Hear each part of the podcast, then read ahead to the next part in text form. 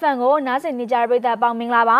ဒီကနေ့စက်တင်ဘာလ18ရက်မနက်ခင်း7:00နာရီထိနောက်ဆုံးရရှိထားတဲ့သတင်းတွေကိုတင်ဆက်ပေးပါတော့မယ်မုံရွာမြို့မှာရှိတဲ့စစ်အုပ်စုပါမြန်မာပြည်ရုံဘုံပေါက်ကွဲခဲ့ပြီးတော့ကချင်ပြည်နယ်ကမိုင်တဲရုံလဲဘုံပေါက်ကွဲခဲ့တာပါစောကန်ကြီးလမ်းမိုင်းကိုခြိတက်လာတဲ့စစ်ကောင်စီစစ်ကြောင်းကို PDF စောကမိုင်းခွဲတိုက်ခိုက်လိုက်ပါတယ်မြန်မာနိုင်ငံဒီမိုကရေစီဖော်ဆောင်မှုဥရောပသမဂ္ဂကအင်ဒိုပစိဖိတ်မဟာဗျူဟာအသုံးချသွားမယ်လို့ပြောပါတယ် အာဂါသခရီးသွားလေးဦးလိုက်ပါလာတဲ့ SpaceX ကုမ္ပဏီရဲ့ Falcon 9ဒုံးပျံဟာကမ္ဘာမြေကနေထွက်ခွာသွားတဲ့ဗီဒီယိုကိုလည်းရှုစားရမှာပဲဖြစ်ပါတယ်ရှင်။ပထမဆုံးသတင်းသဘောအနေနဲ့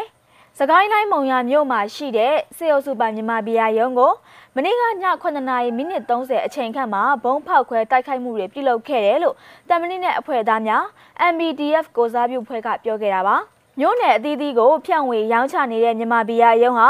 အာဏာသိမ်းစစ်ကောင်စီရဲ့ထောက်တိုင်တစ်ခုဖြစ်တဲ့အတွက်ဖောက်ခွဲမှုတွေပြုလုပ်ခဲ့တာဖြစ်တယ်လို့ MPDF အဖွဲ့ကပြောဆိုခဲ့တာပါအဲ့ဒီပောက်ကွဲမှုကြောင့်ရုံးဝင်နှန်းတွေထိခိုက်ဒဏ်ရာရရှိမှုမရှိဘူးလို့သိရပါတယ်စက်တင်ဘာလ15ရက်နေ့မနက်၈နာရီကျော်အချိန်ခန့်မှာလဲမုံရမျိုးကြောက်ကလမ်းမကြီးပေါ်မှာရှိတဲ့အာနာသိန်းစစ်အုပ်စုပိုင်းမိုင်းတဲယုံဘုံပေါက်ကွဲမှုဖြစ်ပွားခဲ့ပါသေးတယ် အာနာသိန်းစစ်ကောင်စီရဲ့ငွေကြေးစည်းစိမ်မှုကိုအမြင့်ပြတ်ချိန်မုံမှုအတွက်မုံရမိုင်တဲရုံးကိုဖောက်ခွဲလိုက်တာဖြစ်တယ်လို့တမန်ကြီးနဲ့အဖွဲ့သားများ MBDF ကိုစားပြုမှတာဝန်ရှိသူတို့ကမျက်စိမှောက်ကိုပြောကြားခဲ့တာပါကချင်ပြည်နယ်ဖားကတ်မြို့စိတ်မူကျေးရွာတရဟောင်းအနီးမှာရှိတဲ့မိုင်တဲရုံးမှာဘုံပေါက်ကွဲမှုတစ်ခုမနေ့ည၈နာရီဝန်းကျင်လောက်ကဖြစ်ပွားခဲ့တယ်လို့ကနအူသတင်းရရှိပြီးတော့အသေးစိတ်ကိုတော့မျက်စိမှောက်ကဆက်လက်စုံစမ်းနေတာပဲဖြစ်ပါတယ်ရှင်။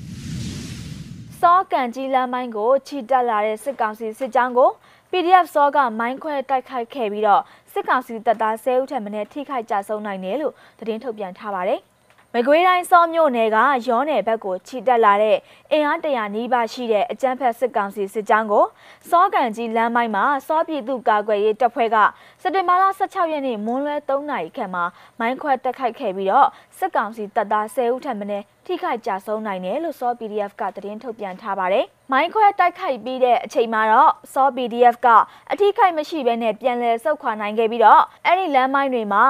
စစ်ကောင်စီတပ်တွေနဲ့ဒေသကာကွယ်ရေးတပ်ဖွဲ့တွေကြားမှာထိတွေ့ပစ်ခတ်မှုတွေအချိန်မရွေးရှိလာနိုင်တဲ့အတွက်တတိပြုသွားလာကြဖို့စောပြည်သူကာကွယ်ရေးတပ်ဖွဲ့ကတောင်းဆိုချက်ထုတ်ပြန်ထားပါတယ်။မြန်မာနိုင်ငံမှာဒီမိုကရေစီအလျင်မြန်ဖော်ဆောင်ဖို့ရာ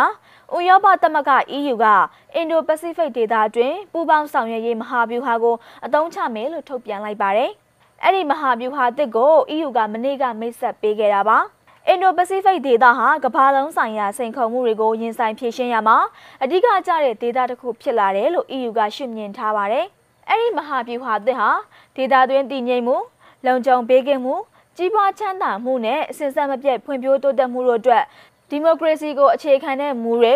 တရားဥပဒေစိုးမိုးရေးလူ့အခွင့်အရေးအပါအဝင်နိုင်ငံတကာဥပဒေတွေနဲ့အညီဖော်ဆောင်ရမှာအထောက်အကူပြုဖို့ရည်ရွယ်တယ်လို့ EU ကဆိုပါတယ်။ ဒါကြောင့်ဒီမဟာဗျူဟာကိုမြန်မာနိုင်ငံမှာဒီမိုကရေစီအမြန်ဆုံးပြန်လည်အကောင့်ထဲပေါ်ဖို့အခွင့်အလမ်းတရအနေနဲ့အသုံးချသွားမယ်လို့ EU ရဲ့ထုတ်ပြန်ချက်မှာပါရှိပါတယ်။ဆက်လက်ပြီးတော့နိုင်ငံတကာသတင်းသဘောအနေနဲ့အာဂါသခရီးသွား၄ဦးလိုက်ပါလာတဲ့ SpaceX ကုမ္ပဏီရဲ့ Falcon 9ဒုံးပျံကမ္ဘာမြေပေါ်ကနေထွက်ခွာသွားတဲ့ဗီဒီယိုဖိုင်ကိုလည်းရှုစားရတော့မှာပါ။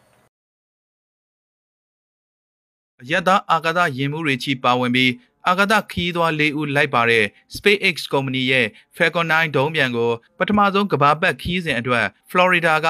ကနေဒီအာဂါသစခန်းကနေဗိုလ်ရူးနေညမှာပြစ်လွှတ်လိုက်ပြီးဖြစ်ပါတယ်။ကောင်းကင်တစ်ခုလုံးလင်းလက်သွားအောင်မီလီယံတွေပန်းထုတ်ပြီးည8နာရီ2မိနစ်မှာကဘာမြေနဲ့ဝေးရာစီကိုပြန်တန်းသွားခဲ့ပါတယ်။နောက်12မိနစ်ကြာတဲ့အခါ Dragon Capsule အာကာသယာဉ်က